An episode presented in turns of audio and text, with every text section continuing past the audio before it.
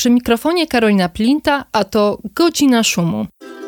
Podcast magazynu Szum poświęcony najciekawszym wydarzeniom na polskiej scenie artystycznej. Magazyn Szum to najważniejsze polskie pismo poświęcone sztuce współczesnej. Już prawie 10 lat komentujemy dla Was najważniejsze wystawy i zjawiska w polskiej sztuce. Jeśli chcesz dowiedzieć się o nas więcej, zapraszam na stronę magazynszum.pl, a jeśli chcesz nas wesprzeć, zostań naszym patronem lub patronką w serwisie Patronite. Znajdziesz nas pod adresem patronite.pl łamane przez magazyn Szum.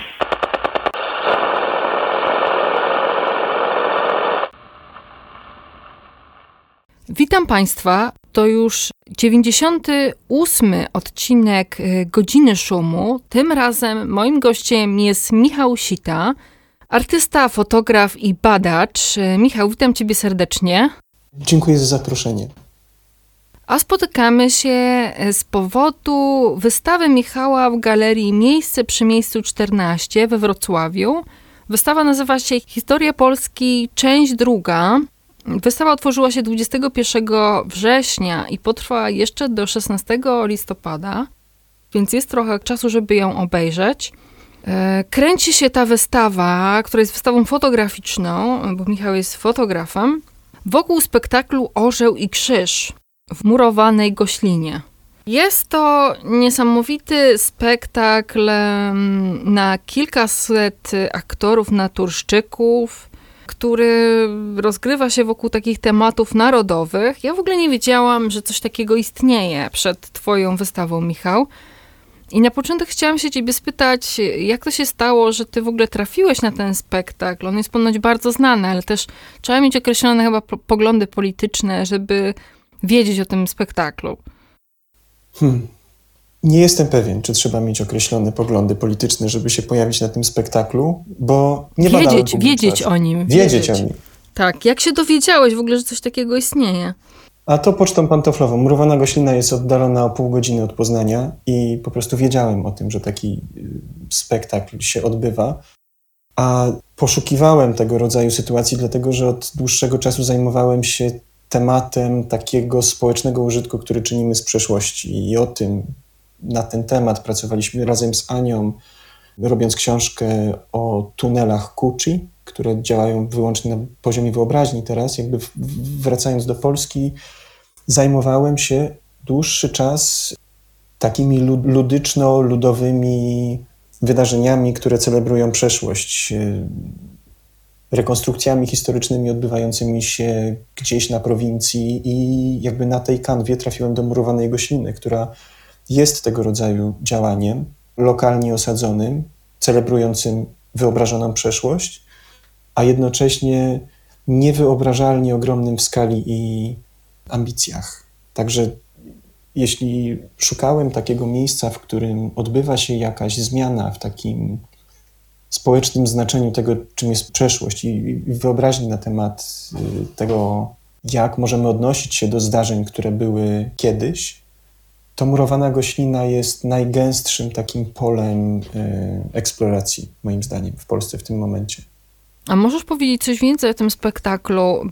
Wiem, że on jest wielki, że dzieje się wokół takiej polskiej tożsamości, ale co tam się właściwie dzieje? Dlaczego on jest taki, no, niesamowity? Tam dzieje się tak, że od 2007 roku kiedy po raz pierwszy na rynku w murowanej goślinie został wystawiony spektakl historyczny, ta niewielka społeczność skrzykuje się, bierze udział w widowisku do 300, czasami w porywach troszkę więcej, wolontariuszy aktorów. I oni aktualnie już na trawiastej scenie na obrzeżach murowanej gośliny odgrywają historię Polski. Kropka. Od początku do końca, czyli od chrztu po papieża Polaka. Takie są granice historii Polski, która się tam odbywa. Dla trybuny mieszczącej 2000 osób, 8 razy w roku, w tym roku, była odgrywana taka półtorej godzinna opowieść y, z fajerwerkami, ze wszystkimi takimi spektakularnymi technikami scenicznymi, no, która prowadzi nas przez najbardziej kanoniczne momenty polskich dziejów, polskich dziejów rozumianych w takich ramach militarno-katolickich. A więc y, przechodzimy przez czasami sceny mityczne, smoka wawelskiego, dzieci, które z myszki zjadają popiela, ale, ale tak naprawdę jakby punktami stałymi tej opowieści, jeżeli cały czas mówimy o opowieści, są no, zdarzenia polskiej historii takie, które kojarzymy z podręcznika. I to jedno. Drugie, odgrywamy tą przeszłość, tą wyobrażoną przeszłość, odwołując się do XIX-wiecznego w głównej mierze malarstwa historycznego. I to kanwą scenariusza ułożonego przez Jacka Kowalskiego, poznańskiego historyka sztuki, są obrazy. Obrazy, które służyły w XIX wieku do utrzymania tożsamości narodowej w czasie, kiedy Polska była pod zaborami. To są obrazy Matejki, Malczewskiego, Chełmońskiego, Kosaka. Te kanoniczne momenty, już nawet nie przeszłości czy wyobrażeń o niej, ale ikonografii, która tą narodowo-katolicką przeszłość e, zawiera w sobie. Także wolontariusze przez wiosnę ćwiczą układy choreograficzne. Nie wymaga to od nich wiele aktorskich umiejętności, bo no, tworzą takie żywe obrazy na dużej scenie, która jest wieloplanowa. Powinni się w odpowiednim momencie znaleźć w odpowiednim miejscu sceny, wykonać prosty gest, wrócić, przebrać się i zaczekać na swoją kolejną scenę. A z punktu widzenia publiczności te działania złożą się w cytaty z polskiego malarstwa historycznego, ułożone chronologicznie i podbijające ten bębenek dumy narodowej i wiary. No, ty także uczestniczyłeś w tych e, spektaklach jako aktor. Tak. I chciałabym, żebyś opowiedział o tym, jak w ogóle zostałeś tym aktorem, dlaczego postanowiłeś wziąć udział jako czynny, nie tylko mhm. jako na przykład obserwator e, z boku. Jak to było? Wcześniej, bo y, od czterech lat pracuję nad doktoratem na antropologii w Poznaniu i y, zadaję sobie pytanie dotyczące tego, w jaki sposób wyobrażamy sobie naszą pozycję w czasie, jeżeli uczestniczymy w takim zdarzeniu, które jest dość egzotyczne, dość nowe na polskiej scenie, mieści się w kanonie takiego turbopatriotycznego, jak to nazywa Marcin Napiórkowski, użytkowania historii, ale jednocześnie jest osadzone w jakiejś konkretnej lokalności. Nie? Wydała mi się to po prostu etnograficznie fascynująca sytuacja. I na początku obserwowałem, pracowałem na przykład z tymi odwołaniami malarskimi, do, które no, są cały czas obecne. I fotografowałem, fotografowałem, obserwowałem, bawiłem się próbami do, do widowiska, kiedy właśnie od kwietnia do czerwca na tej trawiastej scenie ustawiają się wolontariusze w, no, w to, co później stanie się cytatami z malarstwa. Nie? Tylko, że oni to robią pięć razy pod rząd, nie wiem, w dresach, w klapkach, w t-shirtach, trzymają szable, które mają tam pokazywać, być używane jako rekwizyty w scenie bitwy pod Wiedniem na przykład, ale to wszystko się dzieje w takim no, odartym z tego patosu sosie, nie? Także obserwowałem sobie te sceny i je komentowałem, mieszając te dwie temporalności malarstwa i klapków.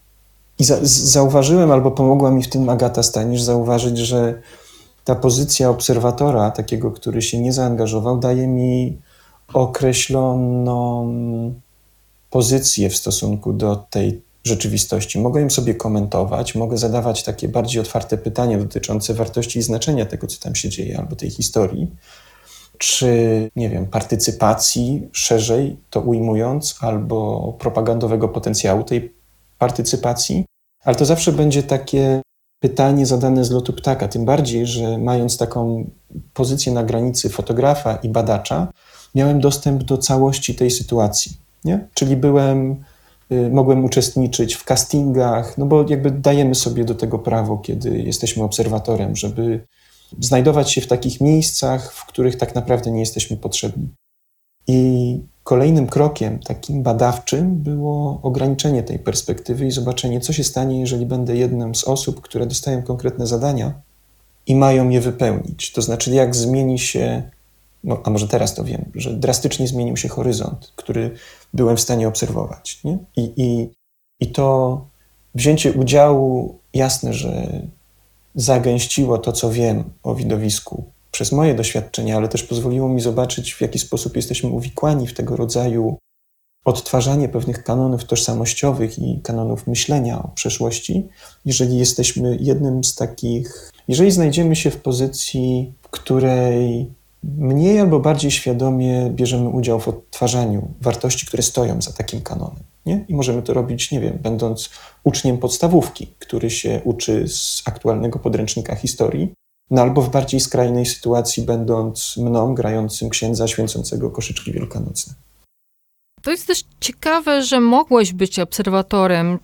Organizatorzy nie mieli problemu, że właśnie, nie wiem, przychodzisz i obserwujesz, czego się z nimi umawiałeś. Jak wyglądał ten kontakt z organizatorami? Dla mnie zaskakująco dobrze. To znaczy, pierwsze te doświadczenia to rzeczywiście było takie obwąchiwanie tej sytuacji z mojej strony i absolutnie nie byłem pewien, na ile mogę sobie pozwolić w tej sytuacji na jakieś działania no, podważające ten patetyczny mit, który tam się buduje, nie? Bo y, czy, czy sam, samo działanie takie na polu fotografii i robienie zdjęć z prób, a później upublicznienie ich w formie książki czy na wystawie na miesiącu fotografii w Krakowie, która się zresztą nie odbyła, y, czy to nie jest no, za daleko idąca ingerencja w te znaczenia? Czy jakby, czy będzie tak, że dostanę na to zgodę, czy nagle pojawi się taka, taka jakaś cenzorska tendencja, to znaczy robimy wielkie widowisko, więc powinniśmy bardzo ściśle kontrolować przekaz, który wypływa z tego widowiska. Nie spodziewałbym się czegoś takiego. Okazało się dokładnie, dokładnie przeciwnie. To znaczy, że yy, wydaje mi się z dzisiejszej perspektywy, że po tych takich paru próbach yy, przesunięcia znaczeń, przesunięcia kontekstów, czasami bardzo drastycznych, takich ocierających się też o ironię, nie? Że, że ta partycypacyjność tej sytuacji akurat w murowanej goślinie, ona nie jest na pokaz, ona ma o wiele głębsze korzenie. To znaczy, może to jest też bardziej niepokojące, jeżeli powiemy, że wszyscy się zmieścimy w tym modelu polskości, który jest tam proponowany, i ty i ja. I to, co wnosimy ze sobą, te nasze poglądy, wrażliwości, Y, one dopóki nie, no nie, nie wychodzimy wprost przeciwko pewnym fundamentalnym wartościom wiary czy, czy dumy z bycia Polakiem, one po prostu, ten, ten model jest na tyle pojemny, że w ewangelizacyjnym programie krzewienia polskości i dumy z tego, z tego bycia Polakiem, ja się mieszczę po prostu, nie?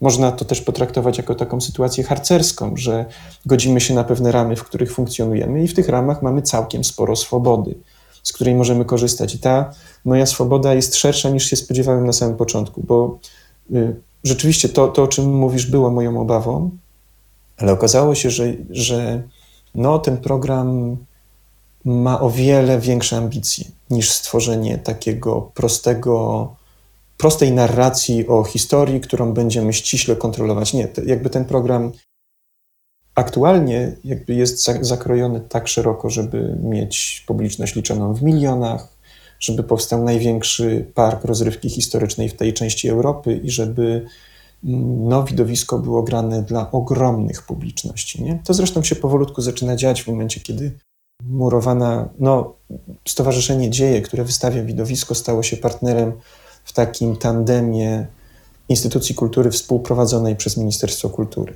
w tym roku. Czyli ile tam ludzi przyjeżdża, żeby oglądać te spektakle? W tym roku 16 tysięcy, w przyszłym roku 20 tysięcy. A w momencie, kiedy ten park rozrośnie się do, no, do takiej skali jak Energylandia, bo to jest no, punkt odniesienia na polskiej scenie, a PDFU jest takim wzorcem, który funkcjonuje we Francji. Bardzo, bardzo podobne y, widowisko historyczne powstałe po to, by powstanie w Wandei, które realizowało się przeciwko laicyzacji Francji w czasie rewolucji francuskiej, żeby, żeby ta opowieść o francuskości, która nie jest laicka, tylko katolicka, miało szansę wybrzmieć. Nie? Tam, tam powstało tego rodzaju widowisko, ogromne w skali. Na nim wzorowana jest murowana goślina i, i do tego rodzaju wielkości to widowisko w murowanej goślinie Orzeł Krzyż będzie aspirowało w najbliższych latach. Mhm. E, powiedziałeś, że no, to jest projekt bardzo szeroki, wszyscy się z nim tam zmieścimy.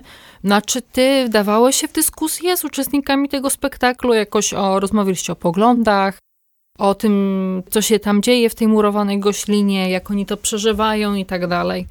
Tak, i to, to jest, yy, widzisz, dlatego właśnie zajmuję się wolontariuszami, którzy to odgrywają, a nie publicznością. Bo z punktu widzenia publiczności można by przeanalizować treść tego widowiska, wzruszyć ramionami i powiedzieć, że to jest czysta propaganda i to jest pomijanie najważniejszych wątków historii, które eliminują z niej wszystkich, którzy nie mieszczą się w tym kanonie polskości, który jest bardzo, bardzo sztywno uszyty. Nie? jeżeli jesteśmy widzami tego widowiska, to te zarzuty krytyczne pojawiają się natychmiast i bardzo trudno jest je zbić. Podchodząc do, do tej sytuacji, jakby z, no z mojego osobistego punktu widzenia, nie? Natomiast to, co dzieje się wewnątrz, jest o wiele bardziej fascynujące, bo nagle się okazuje, że możemy uczestniczyć y, w tym widowisku, w tej sytuacji partycypacyjnej, która narzuca na nas pewne ramy, nie dyskutując z tymi ramami, nie mając y, tak naprawdę ani ochoty, ani potrzeby do tego, żeby analizować sens i treść całości, która dla zewnętrznych odbiorców będzie się układała zupełnie inaczej niż dla nas, kiedy bierzemy udział w tym wesołym, piknikowym, takim, takim rodzinnym show odgrywającym przeszłość, a jednocześnie tworzymy coś wielkiego, z czego możemy być razem dumni. I to jest coś takiego, co jest dla mnie fascynujące. Ten rozdźwięk pomiędzy tym, jak ta sytuacja partycypacyjna buduje swoje znaczenie dla na przykład ministra Piotra Glińskiego, który decyduje się je finansować, gdzie udział wolontariuszy, tego, że mamy do czynienia z mm, naturszczykami, którzy, i tutaj taki, taki, taka logiczna strzałka, no nie braliby w tym udziału, gdyby się z tym nie utożsamiali, więc kolejna logiczna strzałka, to o czym mówimy jest prawdziwe, bo jest zakorzenione w tożsamościach, poglądach, dążeniach, potrzebach konkretnej grupy ludzi, nie? Czyli znowu kolejna strzałka, to jest prawdziwa opowieść o historii, nie? Tak, tak, tak jakby wygląda ta, ta logika tworzenia prawdziwości narracji historycznej z punktu widzenia instytucji finansujących. Tam wolontariusze są po prostu absolutnie niezbędni do tego, żeby to miało ugruntowanie w jakichś ludziach. Natomiast jak nagle stajesz się jednym z tych wolontariuszy, to okazuje się, że to jest poziom, którego kompletnie nie jesteś w stanie dotknąć, chociażby przez to, że bawisz się drobiazgami tego doświadczenia historycznego. Na przykład yy, ja dostaję zadanie poświęcenia koszyczków wielkanocnych w takt muzyki, która się tutaj odbywa w takiej scenie czterech pór roku, sprowadzających jakby polski lud do, no, do takiej kliszy cepeliowej troszeczkę powiedzmy. Nie? Ja jestem tym księdzem, który od zawsze i po czasy będzie święcił święconkę. Tyle, że jakby bardzo szybko okazuje się, że to zadanie wcale nie jest jasno określone, że muszę złapać jakby te mm, wymagania, które są mi stawiane od kolegów, którzy grają dłużej. Y, nie dostaję jakby spisu tego, w jaki sposób mam się zachować, tylko zaczynam się bawić tą całą sytuacją i na ile ją wypełnię, która jest tylko naszkicowana to zależy ode mnie. Później idę się przebrać i w ogóle nie widzę kolejnych pięciu scen, bo, bo, bo tyle czasu zajmuje mi założenie kolejnego munduru rosyjskiego żołnierza, która od, odciąga Rejtana po tym, jak, jak wykonał swój gest niezgody na rozbiory Polski, nie? A też jakby słucham muzyki, która jest cały czas grana z playbacku i tej ścieżki dźwiękowej i ona przestaje dla mnie mieć znaczenie jako coś niosącego treść, tylko raczej określa czas, w którym powinienem przyspieszyć wiązanie sznurówek, żeby zdążyć na swoją scenę. Czyli jakby bardzo szybciutko dzieje się tak, że raczej chodzi o tego papierosa, którego palę za, no za, za przebieralnią, tam za, za garderobą. E, raczej zaczyna chodzić o to, że rozmawiam z kimś innym o jego doświadczeniu, o jej doświadczeniu oglądania swojego dziecka, które jest rozstrzeliwane przez nazistów w scenie II wojny światowej. I to są takie drobiazgi, które ustawiają mnie w sytuacji, w której przez ileś miesięcy w roku ta narodowa historia jakby nie jest jeden do jeden utożsamiona z treścią, którą ze sobą niesie, tylko jest takim sosem, w którym odbywają się wszystkie zdarzenia międzyludzkie na, w, tej, w, tej, w tej sytuacji społecznej. To znaczy, emocje są w niej zakotwiczone, performatywne praktyki dzieją się w odbiciu tego Rejtana, tego Mieszka I, tego Chrztu Polski i tak dalej, który y, schodzi na dalszy plan jako coś całkowicie naturalnego. To znaczy, w odniesieniu do tych zdarzeń, my budujemy jakieś satysfakcjonujące dla nas relacje, dzisiaj, tu i teraz. Wspomniałeś o dwóch swoich rolach, ale chyba było ich więcej. Byłeś nie tylko księdzem i rosyjskim żołnierzem, ale chyba miałeś też więcej ról. Tak. Y, chronologicznie. Najpierw byłem wojem Rusa podczas takiej legendarnej sceny, kiedy Lech, Czech i Rus spotykają się i zakładają te y, słowiańskie protopaństwa. Czasem niosłem pochodnie, a czasem po prostu szedłem z taką tarczą. Y, później rycerzem Bolesława Śmiałego w takiej spektakularnej scenie zabójstwa biskupa Stanisława. Śmiały morduje Stanisława przed ogromną publicznością, jakby pod samym, bardzo blisko. No i po tym akcie niesubordynacji władzy państwowej wobec autorytetu kościelnego Polska opada w 300 lat nieszczęść.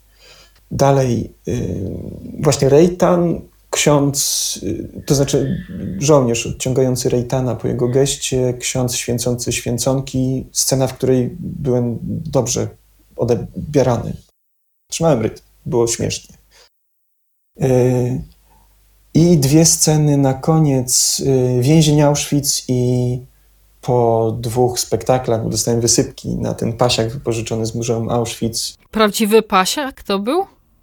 Do dzisiaj nie jestem pewien. Byłem, byłem w muzeum, żeby sprawdzić. Prawdziwy pasiak, jak to brzmi strasznie, ale. Nikt go nie nosił Aha. wcześniej. Nie? To, to, nie był, to nie był rekwizyt tego rodzaju. Y, to był pasiak wyprodukowany przez Muzeum Auschwitz i wypożyczany przeróżnym inicjatywom y, teatralno-filmowym, bo po prostu mają bele materiału na pasiaki, szyją z nich takie rekwizyty, nadają im numery muzealne tym razem. I zgodnie z tymi numerami można taki pasiak wypożyczyć do, do jakichś działań, o ile nie jest się Zbigniewem Liberą. A, on pewnie miałby problemy, żeby wypożyczyć. Tak. Y, no, więc jakby coś tam poszło nie tak i nie wiem, grzyby, jakieś środki chemiczne, którymi ten materiał jest konserwowany. Nie dałem rady go nosić. Z, zacząłem, zamieniłem się z kolegą. No, Pasiak wisiał, a ja grałem rolę nazisty, który pędzi więźniów do Auschwitz. Tak, są z, z, tego zdjęcia, które są swoją drogą no, czymś niesamowitym. Też chciałam, żebyś opowiedział o y, y, technice, w jakiej robiłeś zdjęcia, no bo to, że ty brałeś udział w tym spektaklu, to jedno, ale cały czas też pracowałeś jako fotograf. Tylko y, w taki dosyć nietuzinkowy sposób i zastanawiam się, czy w ogóle twoi kompanii ze spektaklu wiedzieli, że ty robisz zdjęcia. Tak, wiedzieli i etyka tej pracy, ona była niesamowicie ważna, bo zaczęła się od pytania jakby, czy nie bałem się, że prze, przegnę w którąś stronę, czy przekroczę jakieś e, granice, poza którymi zostanę stamtąd wyrzucony, nie? E, z drugiej strony to, to pytanie jest jeszcze ważniejsze, to znaczy na ile mogę sobie pozwolić w stosunku do ludzi, których poglądów i wartości, którzy oni widzą w, te, w tym działaniu, no mogę sobie tylko wyobrażać. Więc otwartość w tym moim działaniu i, i to, że na każdym etapie negacjowaliśmy to, co mo możemy zrobić i, i starałem się bardzo jasno tłumaczyć, jakie to niesie ze sobą znaczenia i konsekwencje potencjalne, no, no to, to, to jakby był mus, nie? Inaczej to by było ani badanie, ani działanie badawcze, ani artystyczne, tylko jakaś po prostu no, nieetyczna manipulacja z mojej strony, więc dbałem o to. Starałem się być ma maksymalnie transparentny. A aparat, który fotografował za mnie, on robił jedno zdjęcie na sekundę, wisiał mi na szyi. Z paniami, które szyją stroje, yy, kombinowaliśmy dość długo, jak go ukryć w ten sposób, żeby dla publiczności nie był problemem. Tyle, że większość tych scen dzieje się na tyle daleko, że, że uszyliśmy takie, takie saszetki. Jedną złotą, drugą białą, które pasowały do różnych strojów. I ten Złota aparat skromne. Przepraszam, wisiał, że przerwam. Aparat wisiał w saszetce, robił jedno zdjęcie na sekundę, cykał, miał wielki obiektyw, który było widać, także wszyscy, którzy mieli ze mną do czynienia w tym czasie podczas tych siedmiu spektakli, które grałem, wiedzieli, co robi i po co to robi. Nie? To, to, to, to było jasne dla nich. To nie było jasne dla publiczności, bo tego aparatu nie widziała, ale no ze zdjęć, które powstały, yy, zbudowało się takie archiwum. Nie? Z jednej strony archiwum mojej kontroli nad tym widowiskiem, takiej kontroli, jaką sprawuje policjant, który ma na sobie bodycam, który rejestruje to, co się dzieje dla późniejszego wykorzystania i stworzenia takiego opresyjnego archiwum. To samo robiłem w czasie widowiska, przejmując jakby kontrolę nad nim. Z drugiej strony rejestrowałem to widowisko mm, tak, jak na przykład zabójstwo biskupa Stanisława widziałby y, rycerz biorący w nim udział. Czyli to jest taki pierwszoosobowy wgląd w historię Polski, jeżeli przyjmiemy prawdziwość tej opowieści. A z trzeciej strony to jest chyba takie archiwum, które mm, tworzy ikonografię tego rodzaju relacji z wyobrażoną przeszłością, która się tam konstytuuje w murowanej goślinie. W taki najbardziej oczywisty sposób ten trzeci wątek się tam pojawia. No tak, dla mnie na przykład y, te właśnie fotografie e, więźniów Auschwitz pędzonych też kojarzyły się z takimi fotografiami robionymi przez Niemców, czyli taka relacja uczestnika, nawet nie świadka, tylko właśnie tego mm, powiedzmy sprawcy. E, wydawało mi się to bardzo takie mocne. A jak, e, czy twoi współuczestnicy, współaktorzy, oni jakby mm, jakoś życzliwie na to patrzyli, czy jednak była w tym jakaś nieufność? No, facet z kamerą, robi wszystkim zdjęcia. Niektórzy na przykład nie chcą i to panicznie, żeby robić im zdjęcia przecież dzisiaj. Z takiego prawnego, powiedzmy, punktu widzenia, bierzesz udział w takim widowisku i podpisujesz zgodę na to, żeby twój wizerunek był używany w kontekście tego widowiska. No, no to jest widowisko w końcu, nie? Także mamy do czynienia z aktorami. Fajnie jest rozróżniać te dwie rzeczy, bo jeżeli y, bierzemy udział w jakiejś sytuacji, która no, wymaga cudzysłowów, która jest y, zabawą z konwencjami, to z tymi konwencjami się bawimy. I, w, I wbrew pozorom tak właśnie jest w murowanej gościnie w ogromnym stopniu. Te zdjęcia działają nie tylko na wystawie czy w tych publikacjach, ale też one funkcjonują w, no, w ramach tej społeczności wolontariackiej i nabierają tam trochę innych znaczeń. Są czasami kartkami pocztowymi, które rozdaje się wolontariuszom w podziękowaniu za to, że wzięli udział w widowisku. One mają dwuznaczny charakter, te zdjęcia. To znaczy, mogą być komentarzem, ale mogą być też y, jeden do jeden rejestracją pewnego y, wartościowego i wesołego zdarzenia, w którym wszyscy bierzemy udział. To ta ich taka wciągająca ten ich wciągający aspekt był dla mnie ważny. To znaczy, żebyśmy tą wystawę i te publikacje zbudowali w ten sposób, żeby one skłaniały do tego, żebyśmy chcieli wziąć w tym udział. Albo żebyśmy zadali pytanie, czy my przypadkiem już nie bierzemy w tym udziału. Czy ja nie miałam poczucia, żeby to było wesołe widowisko po tym, co zobaczyłam na wystawie? Mhm. Raczej kojarzyło mi się to z widowiskami organizowanymi przez nazistów w latach 30.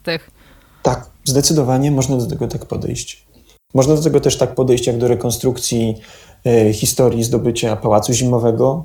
Tej historii trzy lata po rewolucji październikowej właśnie odbyła się taka ogromna rekonstrukcja tego zdarzenia, które wszyscy jeszcze doskonale pamiętali, po to, żeby je ugruntować i żeby jego znaczenie przypieczętować. Nie? Claire Bishop kapitalnie opisuje dwuznaczność tego rodzaju partycypacyjnych działań i ich uwikłanie w propagandowe zdarzenia. Yy, zgadza się. Tyle, że jeżeli podeszlibyśmy do tego w ten sposób, w ten najbardziej oczywisty, który się od razu narzuca, to znaczy z jednej strony przeanalizowalibyśmy treść tego spektaklu, a z drugiej strony porównali je z latami 30. w Niemczech, to mogłoby nam umknąć to, że to zdarzenie dzieje się tu i teraz w Polsce. To mogłoby nam umknąć, że w jakiś sposób w tym ogromnym, popularnym zdarzeniu bardzo wielu ludzi znajduje coś sensownego i całkowicie niegroźnego. Nie? To znaczy, umknęłoby nam, że w jakiś sposób, jeszcze nie do końca wiem jaki, zmienia się to, czym jest dla nas przeszłość i to, w jakie interakcje z nią wchodzimy. Czy to jest proste przełożenie tego, co działo się w Związku Radzieckim czy nazistowskich Niemczech? Wcale nie jestem tego taki pewien. Warto też podkreślić, że twój projekt, ta historia Polski, ona się właśnie dzieli na dwie części. Dużo powiedzieliśmy o e, wystawie, czyli części drugiej, mhm. ale jest też część pierwsza, która przybrała formę, z tego co wiem, tylko fotobooka. I ona pokazywała przygotowania do spektaklu, czyli ten moment zderzenia wielkiej historii z klapkami. Ale też to, co mnie ciekawiło w tym pierwszym etapie, to było to właśnie skoncentrowanie się na przekazaniu emocji uczestników. Trochę o tym mówiłeś, ale chciałabym, żebyś to rozwinął bo te emocje, które tam opisywałeś, one nie są takie jakieś, nie wiem, obojętne. Widać tam bardzo duże zaangażowanie tych uczestników w tą, to całe wydarzenie na różnych mhm. poziomach. Tak, no dostaję rolę księdza, który ma święcić koszyczki wielkanocne, nie? Wychodzę na, na scenę i nie wiem, czy mam grać księdza tak, jak y, to się dzieje w kościele, w sobotę wielkanocną. Nie, nie wiem, czy mam się zmieścić w jakimś scenariuszu, tylko przy kolejnych próbach podłapuję jakieś drobne wskazówki od różnych ludzi pod, pod, podchwycone i coraz bardziej by w tym, ta, ta, taka dyfuzja tej wiedzy na temat tego, czym jest tam, ten spektakl, się osadza w, w mojej głowie. Nie? To jest bardzo osadzona w konkretnych relacjach międzyludzkich sytuacjach. Więc y, jakby masz do czynienia z mnóstwem ludzi, którzy są trochę zagubieni albo trochę lepiej się uczą tego, czego się od nich oczekuje i bawią się tymi scenami, które, y, które dostali. Tym bardziej, że one są ustawione w ten sposób, skonstruowane w ten sposób, żeby były maksymalnie y, emocjonalne, żeby, żeby ta interakcja z tymi odwołaniami do historii odbywała się za pomocą emocji, które to we mnie wywołuje. I jest scena rozstrzelania dzieci przez nazistów, y, bardzo, bardzo ciężka, y, w której y, no nie do przeskoczenia po prostu jest ta granica pomiędzy teatralnością, a tym, że w tej scenie gra mój chrześniak. Mówię o innej uczestnicy tego wydarzenia. Te temporalności się mieszają na tyle głęboko, że jakby pojawiają się łzy, pojawia się śmiech, pojawia się przestrzeń do tego, żeby się bawić tymi odwołaniami z malarstwa no, bardzo szeroko. Dziewczyna przy studni, casting na dziewczynę przy studni, taka sytuacja, w której brałem udział obserwując ją, opowiada, że kiedy jeszcze scenariusz bardzo blisko podążał za referencjami malarskimi, ona po prostu przez całe półtorej godziny siedziała i się gładziła po warkoczu. Kobieta przy studni z y, obrazu Malczewskiego. Tylko, że po półtorej godziny takiego głaskania tego warkocza, on się robi tłusty i, i sztywny i jakby przestaje być warkoczem. I ten obraz Malczewskiego jakby ożywa nagle w tej interakcji tej dziewczyny, która gładzi ten swój warkocz, tracąc zupełnie swoje znaczenie. Jakby to, te, te, te, takie oczywiste znaczenia z historii sztuki. Nie? Nagle on jest tylko takim punktem odniesienia do jakiejś całkiem wesołej praktyki, tego, że ona jest zadowolona, że już nie jesteśmy tak ortodoksyjni i no i tego odwołania malarskiego, no może teraz wstać, potańczyć, mogą ją oblać dzieciaki, które robią śmigus dyngus. To, co mnie w tym fascynuje, to jest to, że te odwołania historyczne, nawet do wydarzeń historycznych, one stają się takim punktem odniesienia do całego mnóstwa zdarzeń, które z jednej strony się dzieją pomiędzy ludźmi i sprawiają, że to jest wesoła sytuacja, a z drugiej strony stają się na tyle oczywiste i naturalne, że to, że odgrywamy zwycięstwo nad muzułmańskimi Turkami w 1663 roku, nie podlega dyskusji. Nie? Jest, jest naturalne, jest oczywiste, jest y, elementem naszej tożsamości, który no, po prostu jest i tyle. Tak samo jak chrzest Polski, który był tak, tak naprawdę chrztem drużyny Mieszka. A ja w tej drużynie, tak. A ty w tej drużynie byłeś. E, powiedz mi, no, musiałeś mieć jakiś gigantyczny zbiór zdjęć e, po tym uczestnictwie w tym spektaklu. Chyba też kilka razy to grałeś, rozumiem, razem z resztą kompanii. Tak. Zastanawiam się, jakie kryteria do wyboru stosowałeś, no bo musiałeś to za bardzo zawęzić. E, na wystawie pokazałeś kilkadziesiąt zdjęć. Tak myślę, no a pewnie miałeś ich tysiące. One były po pierwsze wybierane tak, żeby były dobrymi zdjęciami, bo jeżeli mamy użyc i jeżeli mamy zaproponować taką sytuację, która nie będzie tylko przerażająca tak jak dla ciebie, ale też y, zachwycająca, albo urzekająca, albo uwodząca, to one musiały być obrazami, które same w sobie poniosą ten ciężar. Czyli to już bardzo, bardzo ułatwiło sytuację. Ten aparat czasami zrobił dobre zdjęcie. Wybranie ich było istotne. Y, z drugiej strony pojawiają się tam też takie sekwencje ruchu, które pokazują jakieś sceny, na przykład zabójstwo biskupa Stanisława, które jeżeli im się przyjrzymy, okazuje się, że one nie do końca są jeden do jeden sekwencją jakiegoś zdarzenia, bo tam pojawiają się takie zaburzające tą chronologię wypadki, jak to, że te zdjęcia są jednak przemieszane z kilku dni, że ten człowiek, który stoi na pierwszym planie, jednak później nie nosi miecza, a włócznie raczej, nie? Jakby cały czas y, udajemy w tej selekcji jakiś porządek czasowy, który okazuje się przy bliższej inspekcji mm, no, taką magmą, w której powtarzają się cały czas te same gesty i te same rytuały bez przerwy. Założenie było takie, żeby to były wciągające obrazy, żeby opowiadały o jakimś stałym odgrywaniu pewnych modeli, czy tożsamościowych, czy wyobrażeniowych, no i z trzeciej strony rzecz bardzo ważna, żeby nie były jednoznaczne, to znaczy, żeby dało się je zinterpretować też jako ostrzeżenie, takie jak ty je odebrałaś, ale żeby dało się je też zinterpretować zupełnie inaczej, jako afirmację.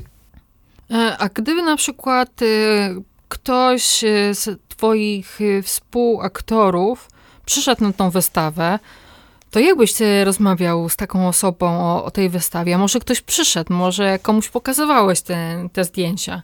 Premierę tej wystawy, mm, nie tej wystawy, części pierwszej. Premiera tej wystawy, części pierwszej miała się odbyć w ramach wystawy Agnieszki Rajs na miesiącu fotografii w Krakowie. Wystawy, która została ocenzurowana po tym, jak Krykoteka nie zdecydowała się pokazać prac Krzysztofa Powierzy.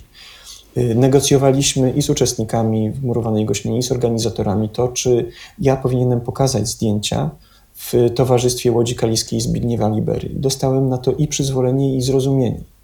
Y, w momencie, kiedy y, sytuacja się bardzo zaostrzyła i kiedy tamta wystawa się nie odbyła, a była szansa na to, że odbędzie się, ale ma, będzie miała już kompletnie inny, antycenzorski charakter, jeżeli by była pokazana tuż po tym akcie cenzorskim, no to nagle wolontariusze w murowanej gościnie przestaliby być yy, dwuznacznymi postaciami, które są uwikłane w pewną grę z historią, tylko zaczęliby być takimi karykaturalnymi ilustracjami jakby wroga dla, dla tych, którzy by przyszli na tę wystawę.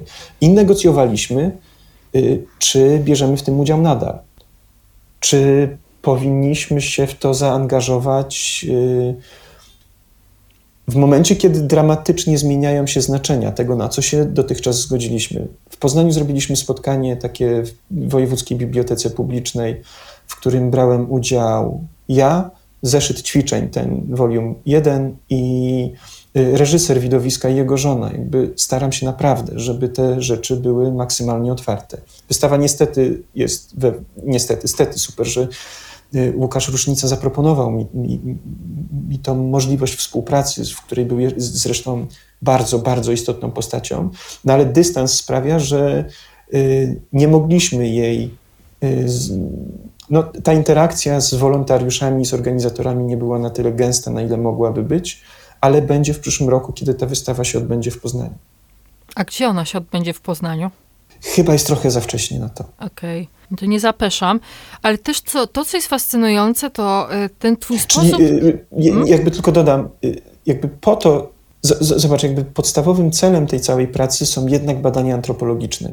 I nie po to robię te działania artystyczne, które są, mam nadzieję, trochę otwarte, żeby teraz się z nimi chować. Nie? Jakby całym ich celem jest to, żeby ta interakcja się odbyła i żeby pojawiły się tam takie wątpliwości i otwarta dyskusja na temat wartości i znaczeń, która być może nie miałaby szans odbyć się, jeżeli byśmy byli cały czas na tej wesołej scenie, na której trawiastej, w pięknej majowej pogodzie, na której ćwiczymy po prostu gest święcenia koszyczków wielkanocnych. Nie? Może to przesunięcie sprawia, i tak się dzieje moim zdaniem, że możemy rozmawiać troszeczkę o innych rzeczach, nie my między sobą, tylko ja z wolontariuszami, o których, z którymi prowadzę badania antropologiczne. Tak, e, natomiast ja powrócę do swojej refleksji, że to jest właśnie fascynujące, mm, że o ty, ty o tym projekcie mówisz tak trochę, że to nie jest twój projekt, tylko jakby, jakby to był wspólny projekt. Że ty musisz skonsultować, że wy pokazujecie i to też jest ciekawe, jaki, e, czy to jest jakby właściwe moje wrażenie, jaki ty masz stosunek do tego projektu, czy to jest, nie wiem, jakaś taka bardziej grupowa realizacja w Twoim ujęciu, myśleniu, czy to raczej zdecydowanie jest Twój projekt? Nie, nie, nie. To jest zdecydowanie mój projekt, który przesuwa ikonografię i znaczenia na taki obszar, który nie zafunkcjonowałby pomiędzy wolontariuszami w murowanej goślinie. Nie? Wnoszę tam coś innego i to poddaję dyskusji. Y, to jest jakby jasne, nie? że nosząc taki bodycam, który się odnosi swoimi kontekstami do jakiegoś rodzaju inwigilacji, no to ja biorę za nią odpowiedzialność oczywiście. Nie? To, to, to ja biorę odpowiedzialność za to, jakiego rodzaju i czy ona będzie wyważona. Narrację zaproponuję nie? i jakie pytania zadam pod, na podstawie tej, tej, tej narracji. I całym jej sensem, moim zdaniem, jest właśnie zadanie pytań, które chyba przydają mi się w tej badawczej interakcji. Czyli jakby, jak pytasz, to to jest projekt stricte z zakresu badań artystycznych, nie?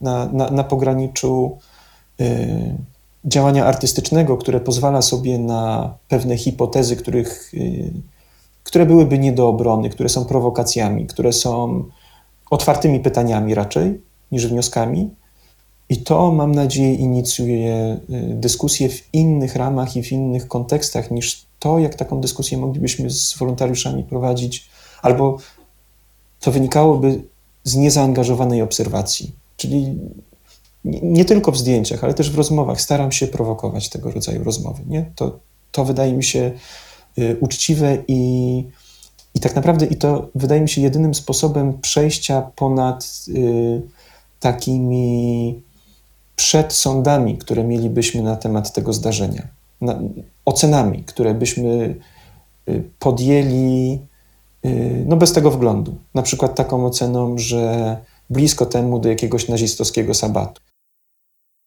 Można tak, nie? Tylko chyba ciekawszych rzeczy jesteśmy się w stanie dowiedzieć o tym, czym staje się przeszłość w dyskursie publicznym dzisiaj w Polsce, jeżeli takie proste Y, sądy zawiesimy na jakiś czas. A masz jakieś tezy na temat tego, czym staje się przeszłość w naszym dyskursie publicznym? Wiem, że pewnie praca jeszcze nie jest opublikowana, ale może już masz tezy wstępne. Y, trochę to chyba wypływa z tego, o czym rozmawiamy, nie? Przestajemy ją rozumieć jako taki obszar, który podlega weryfikacji, na przykład w tekście ktoś ogłasza jakąś tezę, a kto inny mówi tutaj się pomyliłeś i tutaj, tylko staje się takim elementem niepodlegających dyskusji prawd. Takich prawd jak prawdy wiary. Może jest tak jak w średniowieczu, że historia zawiera w sobie pewne etyczne wskazówki, i teraz naszym moralnym obowiązkiem jest to, żeby dotrzeć do tych wskazówek, zrozumieć je i wcielić w życie w dzisiejszym działaniu. Może, może to działa w ten sposób, ale wolałbym na tym etapie, nie, kiedy sobie wisi wystawa Łukasza Rusznicy, pozostawić te pytania otwartymi, bo ona właśnie chyba ma ten potencjał, żeby je raczej sformułować, niż żeby na nie odpowiadać. Wspomniało się jeszcze, mm, że ten park e, w murowanej goślinie, on się e, domyślę ma rozwijać, a zastanawiam się, co jest tam teraz. Czy tam się odbywają tylko te spektakle i faktycznie jeśli, e, dajmy na to, ja chcę odwiedzić murowaną goślinę, żeby właśnie przeżyć ten spektakl, to warto tam się wybrać tylko w określone dni, czy tam też się coś już dzieje, tak, no nie wiem, jest faktycznie jakiś park, można tam coś zobaczyć, e, ma to jakieś formę, architekturę i tak dalej? Jeszcze nie, ale to jest moment, właśnie ten moment przejścia, kiedy y, widowisko odgrywane 6 do tam 10 w porywach, no, razy w roku przez wolontariuszy z murowanej gośliny i dotychczas finansowane z różnych dotacji i wsparcia spółek Skarbu Państwa, ale zawsze doraźnych, jednorocznych. Ono nagle przesuwa się w taką w taki tryb działania stabilnej instytucji kultury współprowadzonej przez Ministerstwo Kultury. Czyli pojawia się stały budżet, pojawiają się możliwości inwestycyjne, bardzo, bardzo duże. I, i to, o czym mówisz, czyli stworzenie stałego parku rozrywki historycznej jest w najbliższych planach. To znaczy, to, że jeszcze nie słyszałaś o widowisku Orzeł i Krzyż, się zmieni w najbliższych latach. I na, razie jest rzeczywiście tak, że odbywają się widowiska w piątek i sobotę przez cztery kolejne weekendy, czy sześć? Cztery. A w tym czasie funkcjonuje park takiej rozrywki dziennej, gdzie można zobaczyć mniejsze takie spektakle o Zawiszy Czarnym, czy o Powstaniu Wielkopolskim w ciągu dnia i wypić herbatę, czy upiec kiełbaskę na ognisku, ale to się zacznie zmieniać. To znaczy, profesjonalizacja tego wydarzenia będzie dążyła do tego, żeby ten park rozrywki zapewniał atrakcje przez cały czas. Nie tylko, nie tylko w tych kilka weekendów y, latem, i żeby no, to był rzeczywiście taki największy w Europie Wschodniej park rozrywki historycznej. Nie? Atrakcja, która przerośnie i Poznań, i murowaną Goślinę. Historia staje się wiarą albo rozrywką. Hmm. Dobrze, no to cóż, czekamy na tą murowaną goślinę i czy ty jeszcze będziesz pracował z tym tematem? Te dwie publikacje, ten zeszyt ćwiczeń z historii Polski i teraz historia Polski, część druga, to są takie podsumowania roboczych wątków. Tak sobie lubię o nich myśleć, nie? Yy, albo komentarze do tej sytuacji prób, czy komentarz do sytuacji gry. Razem z Łukaszem Rusznicą pracujemy teraz nad książeczką, która będzie tym takim właśnie drugą częścią historii Polski, czyli ona nabierze formy publikacji artystycznej. Y, I tyle. Tak mi się wydaje, że, że, że te, te dwa takie otwarte pytania, które zadałem w fotografii, one jakby są zadane i, sobie, i, i tyle, niech sobie funkcjonują w ten sposób.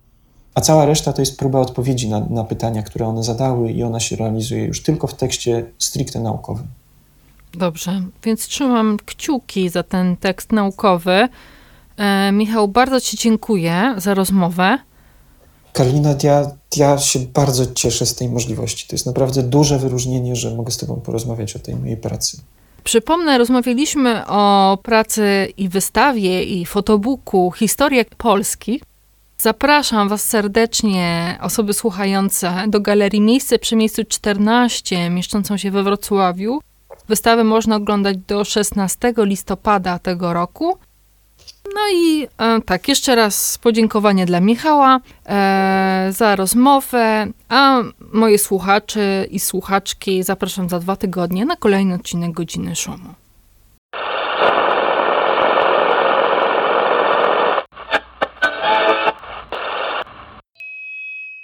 Dziękuję za wysłuchanie kolejnego odcinka podcastu Godzina Szumu. Na następne zapraszam za dwa tygodnie.